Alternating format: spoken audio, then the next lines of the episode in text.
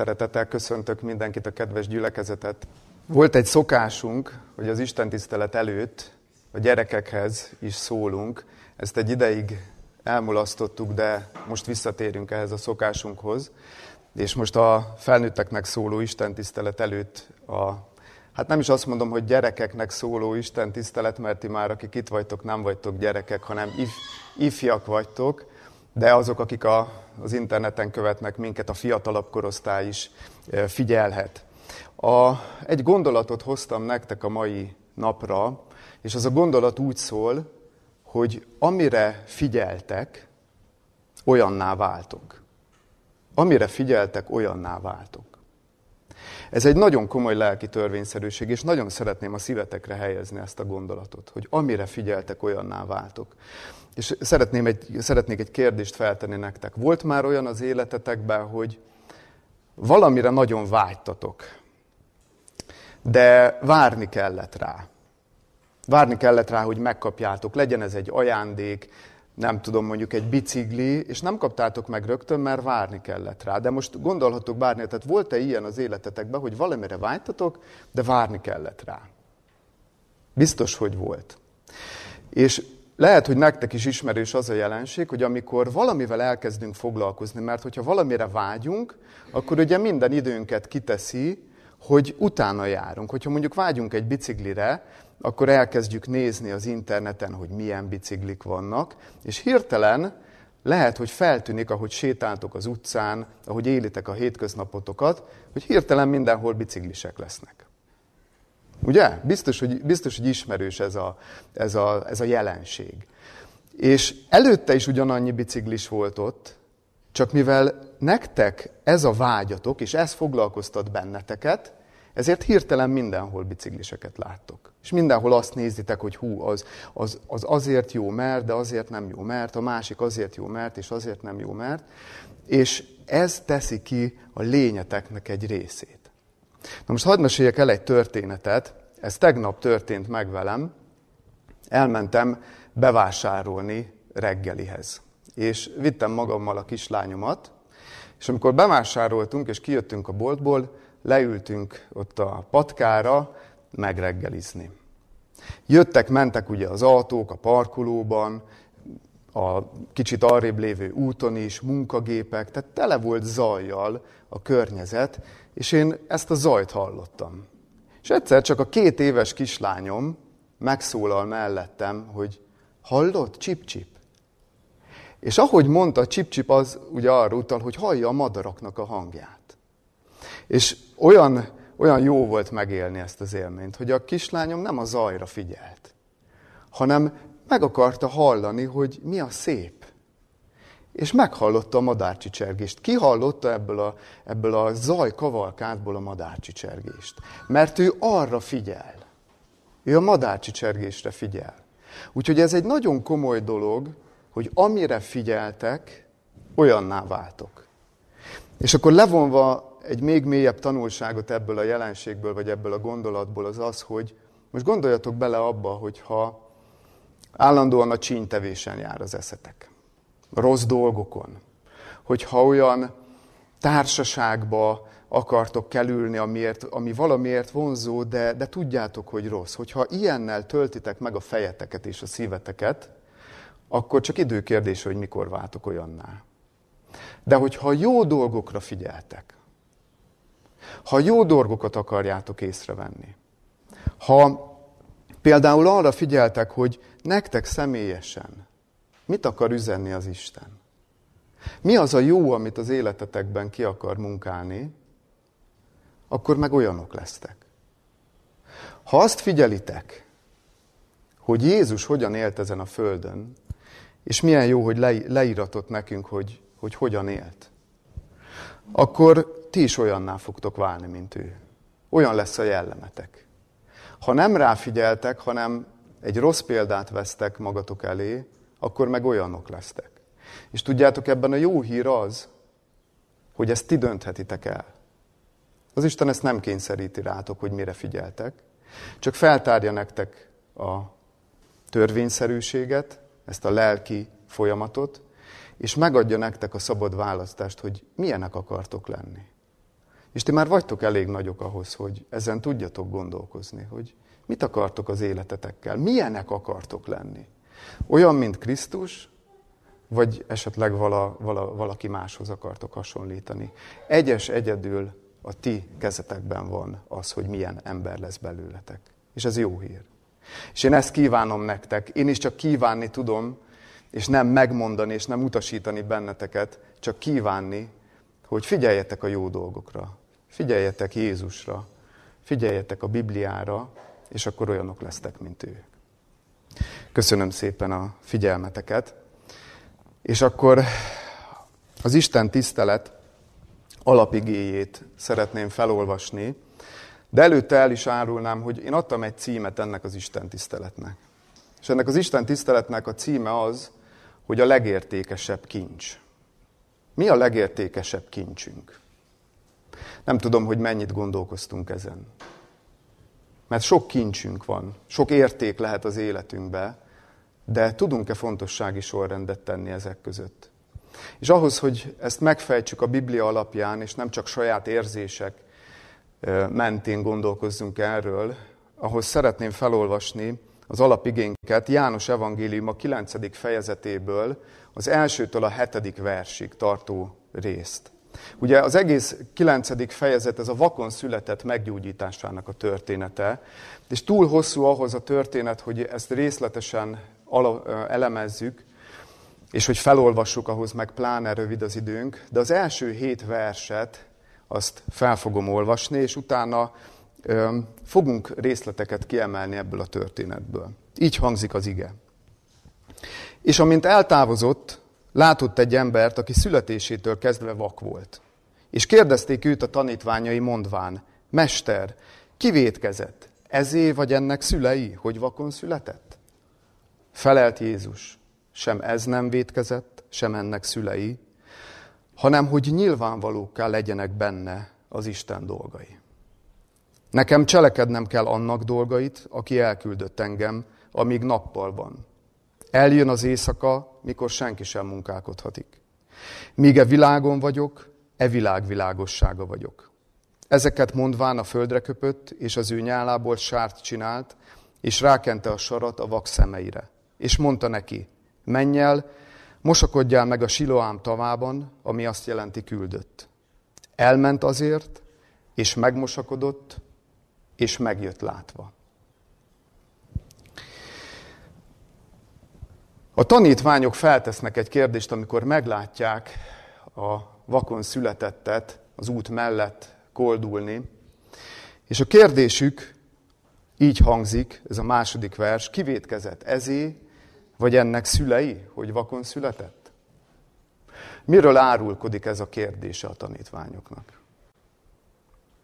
Nem kell kortörténeti ismeret ahhoz, hogy kikövetkeztessük és megállapítsuk, hogy a tanítványoknak a kérdése arról árulkodik, hogy az ő fejükben egy büntető Isten kép él. Mert az igaz, hogy minden rossz, ami ezen a világon történik, az a bűnnek a következménye. De a zsidók ezt az igazságot kiforgatták, elferdítették, és egészen odáig mentek, hogy azt mondták, hogy ha valamilyen betegség, valamilyen csapás sújt valakit, akkor az bizony annak a jele, hogy az Isten őt bünteti, mert valami súlyos bűnt követett el. És ez már egy súlyos kiforgatása annak az egyszerű igazságnak, hogy minden rossznak van valamilyen következmény, és a bűnnek van következménye. De az nem az Istentől van. Erre Jézus egyébként válaszol is a harmadik versben, hogy leszögezi, hogy a, hogy a bűn az nem az Isten büntetése. És az Isten nem játszik így az emberrel, hogy alig várja, hogy mikor büntetheti meg.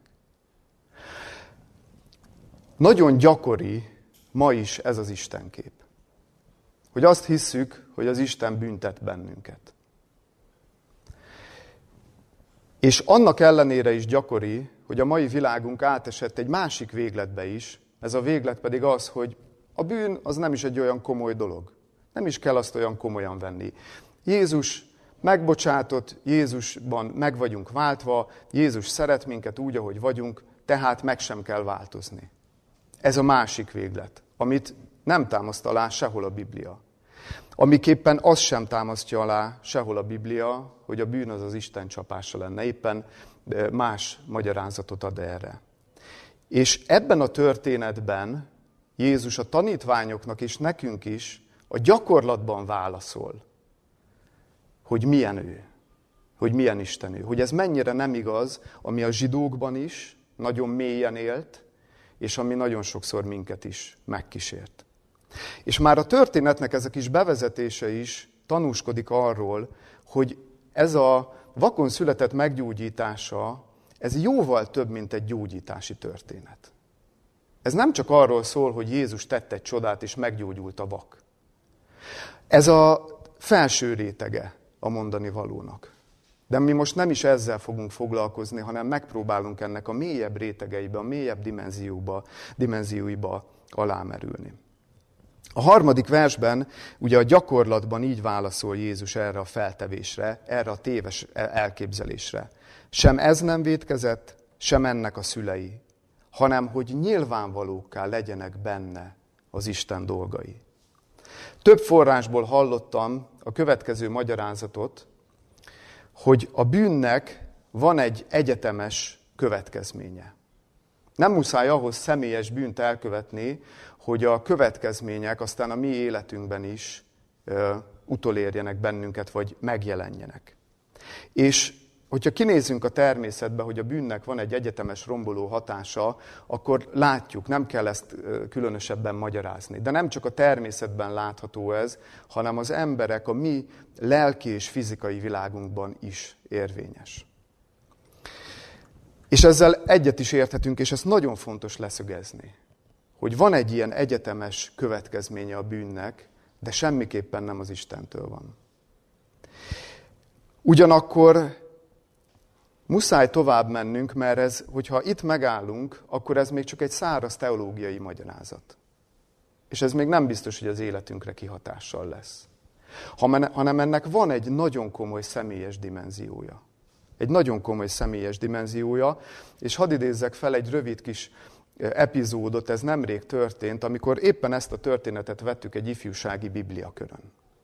És az egész alkalmat, egy órát csak annak a kérdésnek szenteltünk, hogy mit jelent ez, hogy nyilvánvalókká legyenek benne az Isten dolgai. Erről gondolkoztunk egy órán keresztül, hogy mit jelent ez, hogy nyilvánvalókká legyenek benne az Isten dolgai. Mert így válaszol Jézus a téveszmére. És a, az alkalom végén egy fiatal feltett egy kérdést. És ez a kérdés nagyon megállja a helyét. Azt mondta, hogy akkor megfogalmaz, átfogalmazhatjuk egy kicsit ezt a dolgot, és mondhatjuk azt, mintha Jézus azt mondaná itt, hogy nyilvánvalóvá legyen, hogy milyen vagyok én. Hogy amikor azt mondjuk, hogy nyilvánvalókkal legyenek benne az Isten dolgai, azt a személyes életünkre nézve lefordíthatjuk úgy, hogy nyilvánvalóvá legyen, hogy milyen Isten vagyok én. Mert ez ezt jelenti. És még akkor is, még ha úgy is lenne, úgy is lett volna a vakon született esetében, hogy valami személyes bűnnek a következménye az, hogy ő vakon született. Még akkor is azt mondja Jézus, hogy de látjátok, kedves tanítványaim, és nem csak azoknak a tanítványoknak, hanem nekünk is, mint tanítványoknak szól. Látjátok, hogy milyen Isten vagyok én? Hogy én menteni akarok, gyógyítani akarok, felemelni akarok, le, le akarok hajolni hozzátok, és meg akarlak titeket gyógyítani és menteni. Még akkor is igaz lenne, hogyha ez valami személyes bűnnek a következménye lett volna. De nem az volt. Szerintem bátran kimondhatjuk, hogy az Isten a legtöbb energiát arra fordítja, hogy bemutassa önmagát. Hogy bemutassa saját magát, hogy milyen Isten ő valójában.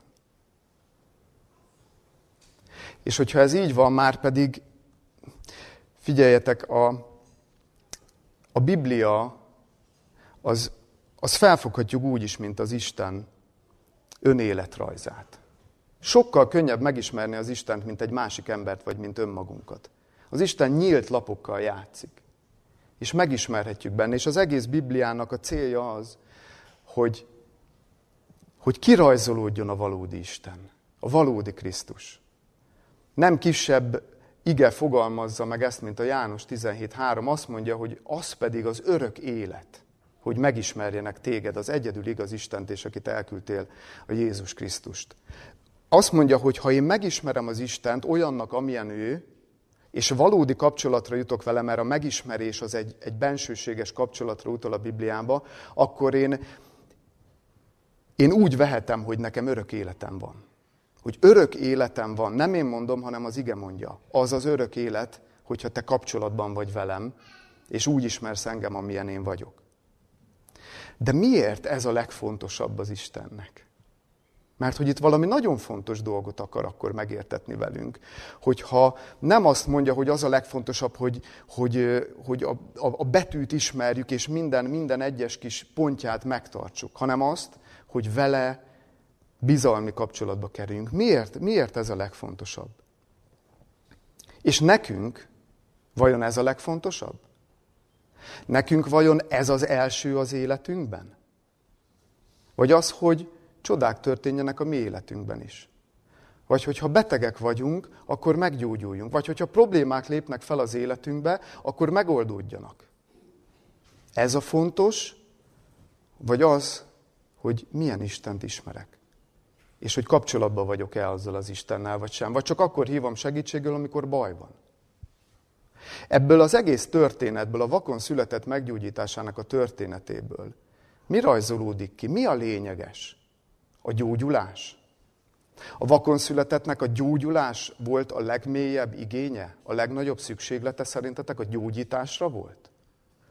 Mert a történet folytatásából kiderül, hogy nem. És nyilván egy nagyon fontos dolog, nem akarom elbagatelizálni mondjuk az egészségnek a kérdését. Mert nagyon fontos, hogy milyen egészségi állapotban vagyunk. Annyira, hogy nekünk van egy amolyan szállóigénk is, hogy sokszor mondják, hogy csak egészség legyen, más nem számít. Hallottátok már biztos ti is. Hogyha egészség van, minden van. De ebből a történetből valami más rajzolódik ki. Valami egészen más rajzolódik ki ebből a történetből. És ahhoz, hogy megfejtsük, hogy mi ez, hogy mi az, ami értékesebb kincs az egészségünknél is, és minden másnál, ahhoz nézzük meg röviden, hogy milyen reakciókat adnak a történetnek a szereplői. Vannak még a meggyógyítotton keresztül, hogy ott vannak a tanítványok, ott vannak a szomszédok, ott vannak a farizeusok, akik kihallgatják őt, és ott van Jézus. Nézzük a szomszédoknak a reakcióját. Itt nem fogom felolvasni a történetet az idő rövidsége miatt, csak összefoglalom. Ugye amikor visszatér a vakon született meggyógyulva látva, akkor hirtelen beszédtéma lesz belőle. Ez, ez az. Hát nem ez, aki itt szokott ülni és koldulni? Valakik megismerték, valakik nem ismerték meg, nagyon sokan elbizonytalanodtak benne, és ilyen ment a susmus, ment a beszéd, hogy, hogy ki lehet ez? Biztos ő, nem ő? Végül rövidre vágja a történetet, maga vakon született, és mondta, hogy én vagyok az. A szomszédoknak ez volt a reakciója. Nem, nem igazán ismerték fel. Nem ismerték meg. Aztán eh, jön a kihallgatás. Kétszer is kihallgatják a, a vakon születettet.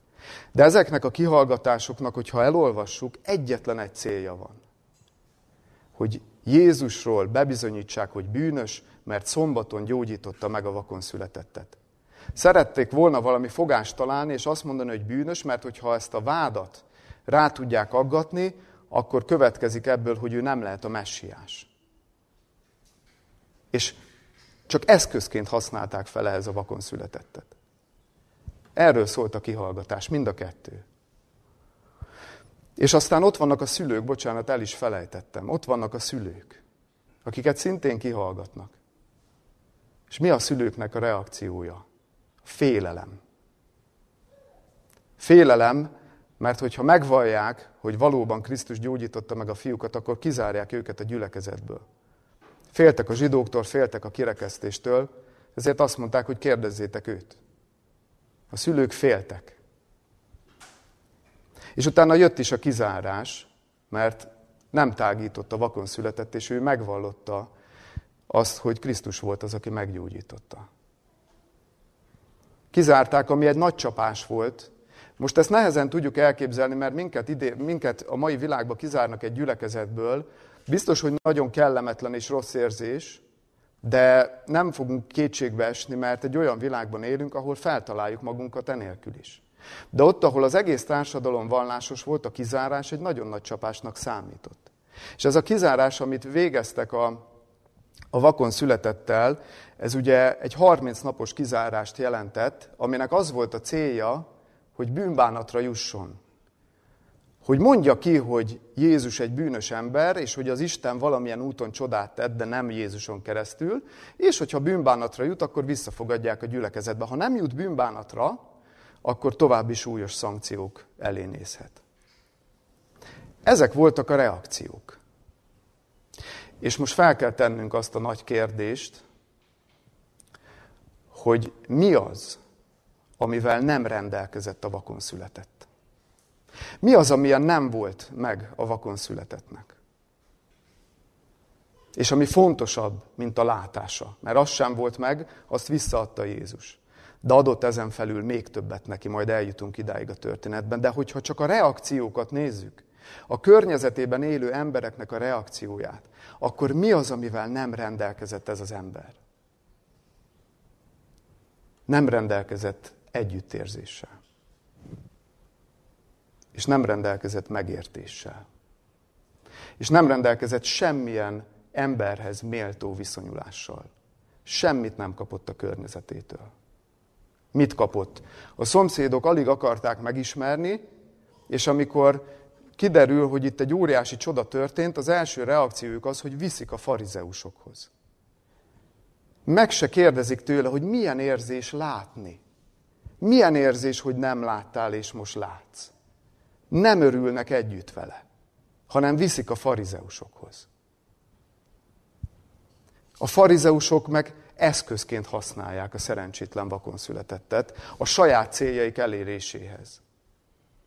A szülők megfeledkeznek róla. A szülők minden felelősséget, ami a saját felelősségük lett volna, azt áthárítják a fiúkra. Cserben hagyják. A szülő cserben hagyja a gyermekét.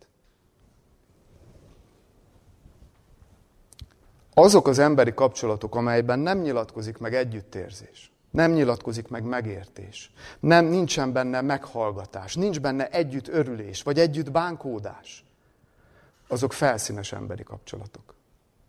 Nem sokat érnek. Azok felszínesek maradnak. Amelyben azok a kapcsolatok, amelyekben ezek nincsenek meg, törvényszerű, hogy más van bennük. Érdekek vannak benne elvárások vannak benne, hogy a másik legyen olyan, amilyennek én akarom őt formálni. Ezek a kapcsolatok nem valódi kapcsolatok, és nem bizalmi kapcsolatok, felszínes kapcsolatok.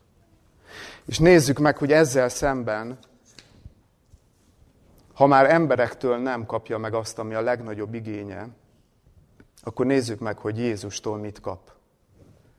Mit kap ez a vakon született? Nagyon érdekes ebben a történetben az, hogy ha megnézzük a gyógyítási történeteket, akkor azért feltűnhet nekünk az, hogy mindig van valami párbeszéd a gyógyítás előtt. Vagy magával a gyógyítandó féllel, vagy annak szüleivel, hogyha gyermekről beszélünk, de mindig feltesz egy kérdést Jézus.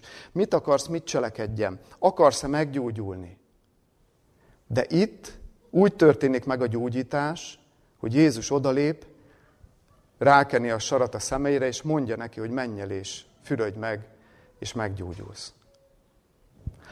És én azt sejtem, hogy azért nincs itt párbeszéd, mert Jézusnak annyira telve volt a szíve szánalommal és szeretettel, és nem is kellett megnyilatkozni ennek a vakon születetnek, mert Jézus látta azt a legmélyebb vágyát, hogy nincs embere, hogy nincsen embere amit ugye a betesdai beteg is kimond, hogy nincs embere.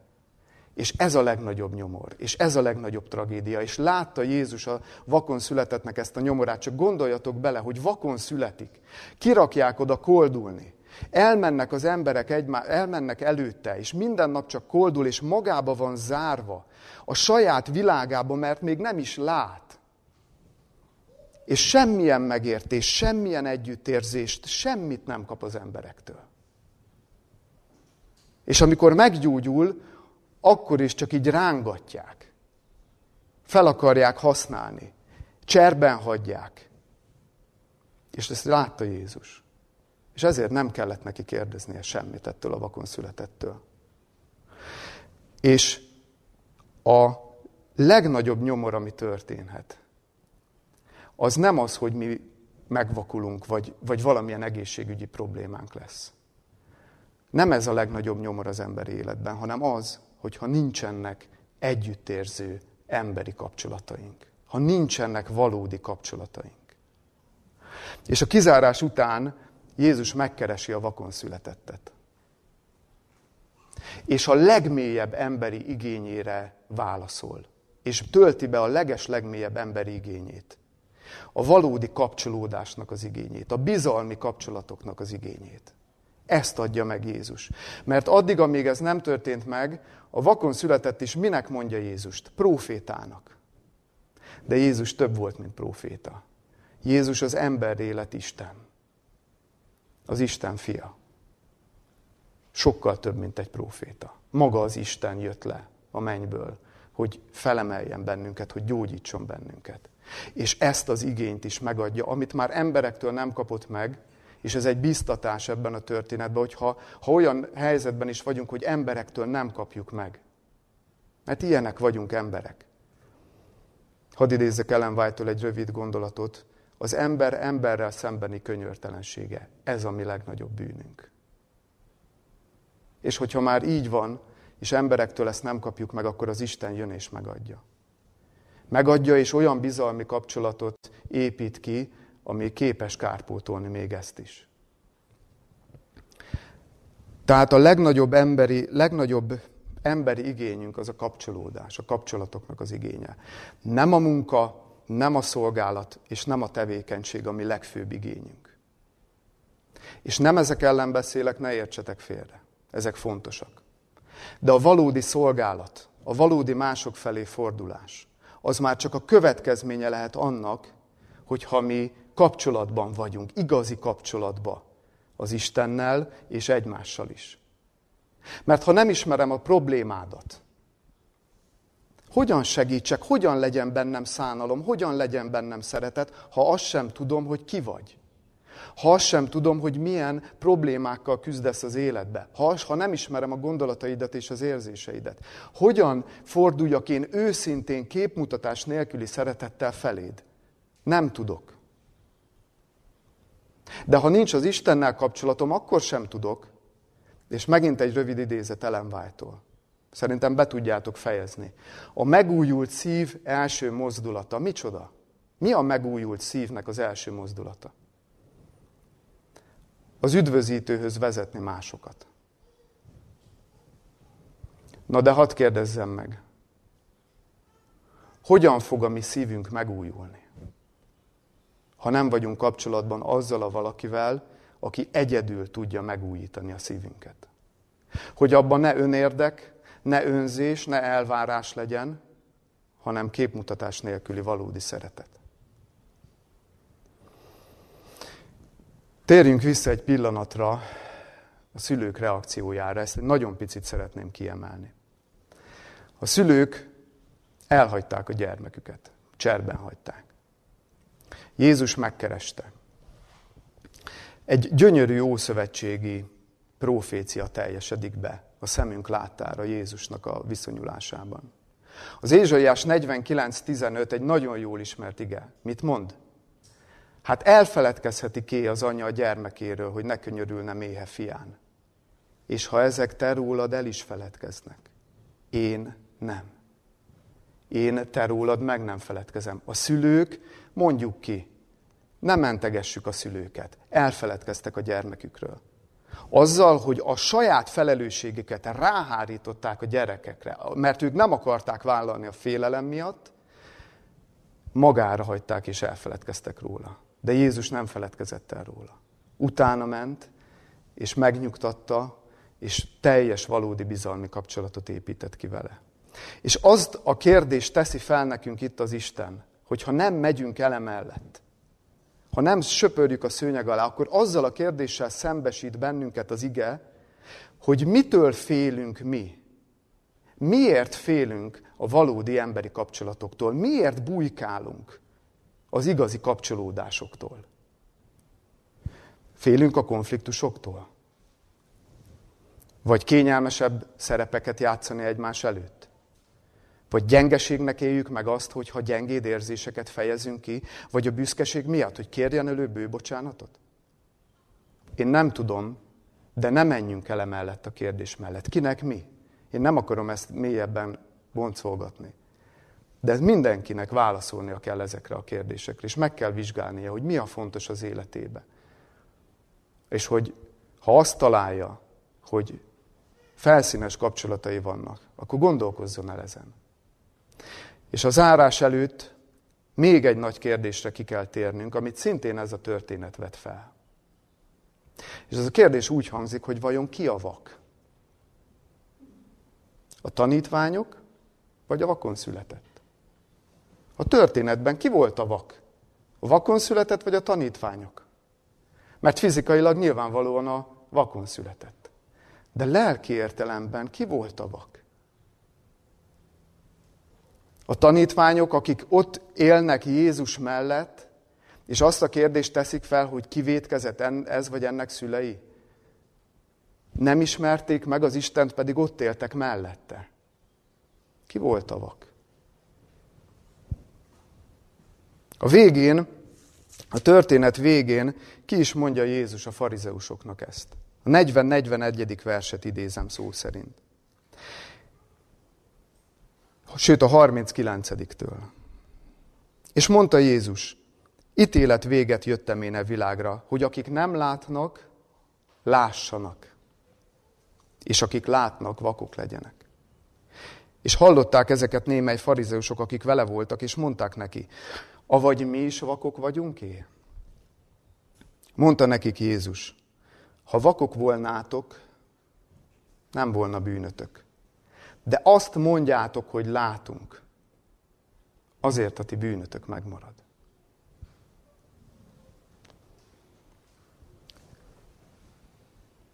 Ti láttok? Ti tudjátok, milyen az Isten? Ti fel tudjátok mérni egy-egy emberi kapcsolatotoknak az értékét? Ti tudjátok, hogy hogyan kell ezt az életet úgy igazán emberhez méltó módon élni? És hogyha azt mondjuk, hogy igen, akkor vajon tanúskodik-e arról az életünk? Nem az, amit mások látnak, az könnyű eljátszani. Az, amit csak te látsz. Azok a gondolatok, amik a szíved mélyén vannak, és néha előtörnek. Meg az, amit maximum a legszűkebb környezeted, a családod lát. Az tanúskodik arról, hogy te tudod, hogy milyen az Isten. Hogy kicsoda az Isten. Hogy hogyan kell emberhez méltó módon élni. Én szégyen nélkül vallom meg, és nem restellem megvallani, hogy nem tudom. Tudom a betűt, tudom a törvényt. Be tudom tartani a szabályokat, ezeket betudom. De nem tudom, hogy valójában kicsoda és milyen az Isten. Részben igen, persze. De nem annyira, amennyire szeretném. Nem tudom, hogy hogyan kell bizonyos helyzetekben jól reagálni, Isten szerint reagálni. Nem tudom, hogy emberhez és Istenhez méltó módon hogyan kell élni ezt az életet. Annál inkább szeretnék majd dicsőséget adni az Istennek, hogyha ezt megtanítja nekem. Zárásképpen egy igét szeretnék idézni Máté evangélium a második fejezetéből, a 18. verset. Máté evangélium a második fejezet 18. vers. Szó hallatszott rámában. Sírás, rívás és sok keserves jajgatás. Rákel siratta az ő fiait, és nem akart megvigasztaltatni, mert nincsenek. Nem azért siratta Rákel a fiait, mert már nem tudnak neki segíteni. Nem azért siratta Rákel a fiait, mert már nem tudnak ezt, meg azt, meg amazt megtenni. Hanem egyetlen ok miatt siratta Rákel a fiait, mert egyszer voltak, és már nincsenek. Egyszer részesültek az életnek a megfejthetetlen csodájából, és már nincs közöttük. Mi az alapján szelektálunk és ítélgetünk meg embereket, hogy mit tesz, vagy mit nem tesz meg. Milyen jó munkaerő, milyen tehetséges, milyen jól bánik ezzel meg azzal. Miközben pusztán annak az öröme kellene, hogy legyen a szívünkben, hogy a másik ember van. Él. Létezik. Részese ennek a csodának, amit életnek hívunk, amit nem tudunk szavakkal kifejezni.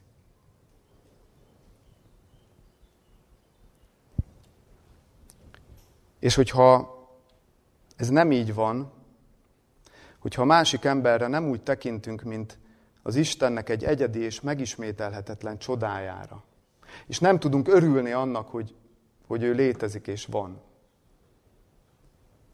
akkor mi is csak azt mondjuk, hogy látunk, de valójában vakok vagyunk.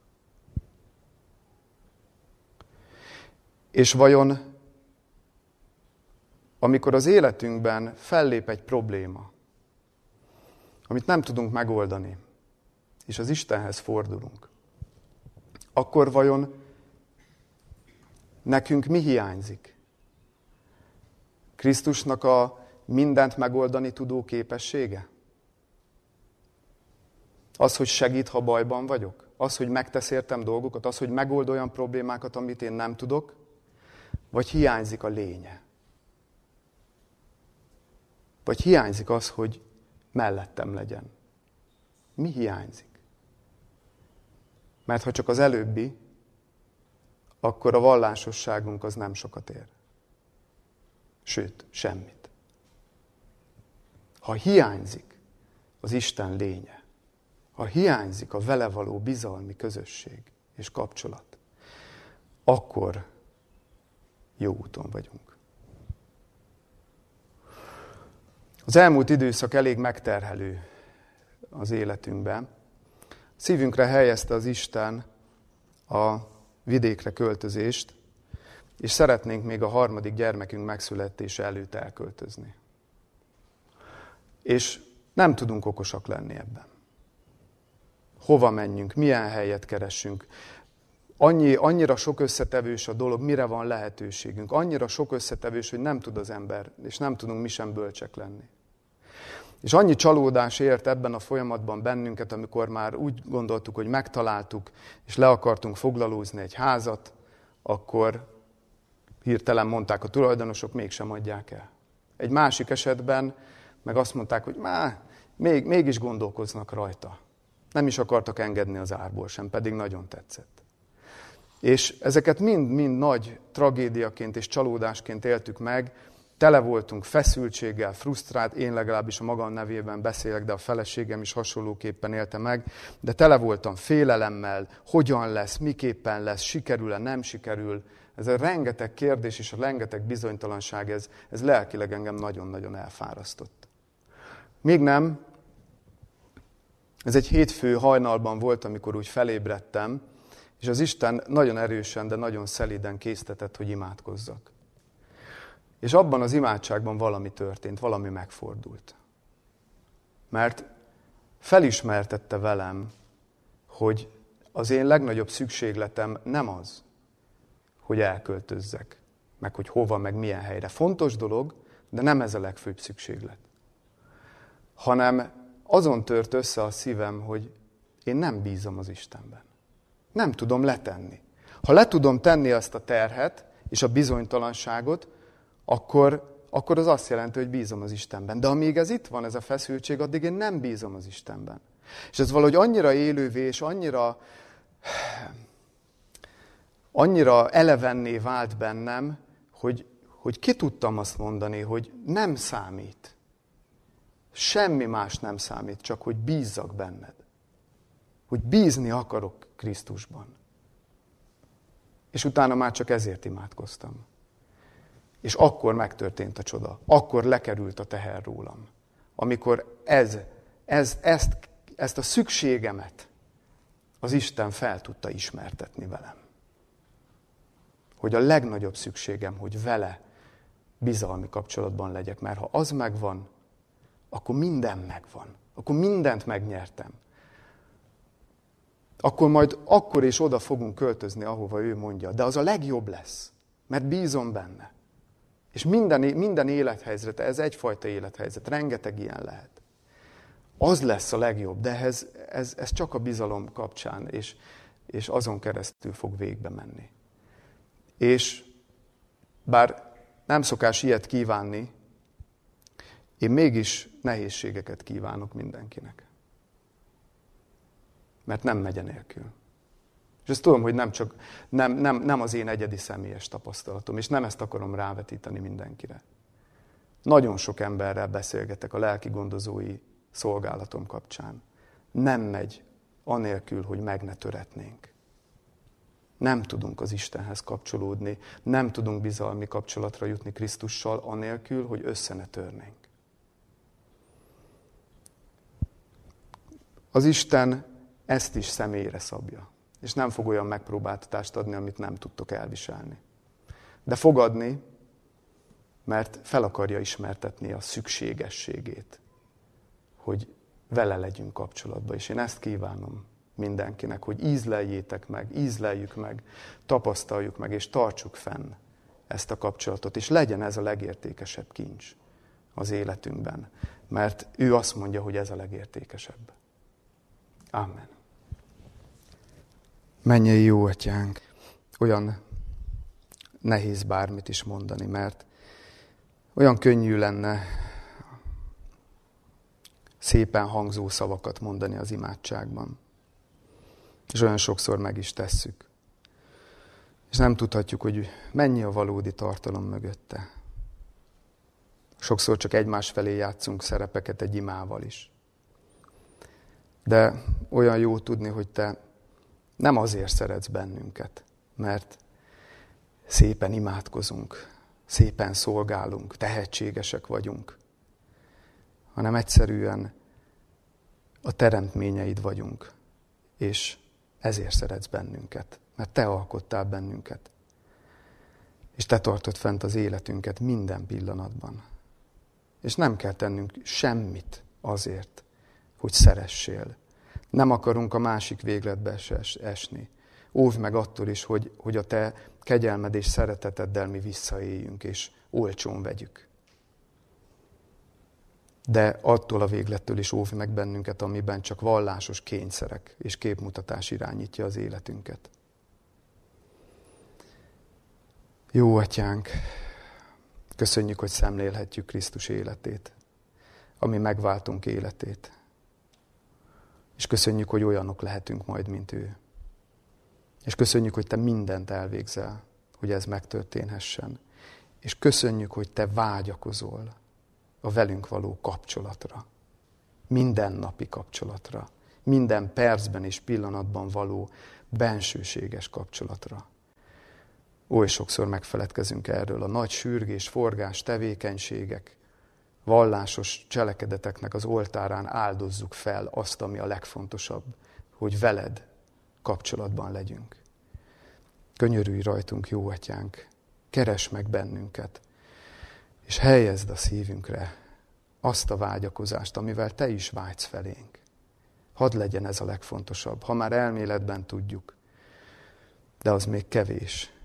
Munkát ki, hogy valóban így is érezzük hogy, hogy ez a legfontosabb. És hogyha téged megnyerünk, mindent megnyertünk. Amen.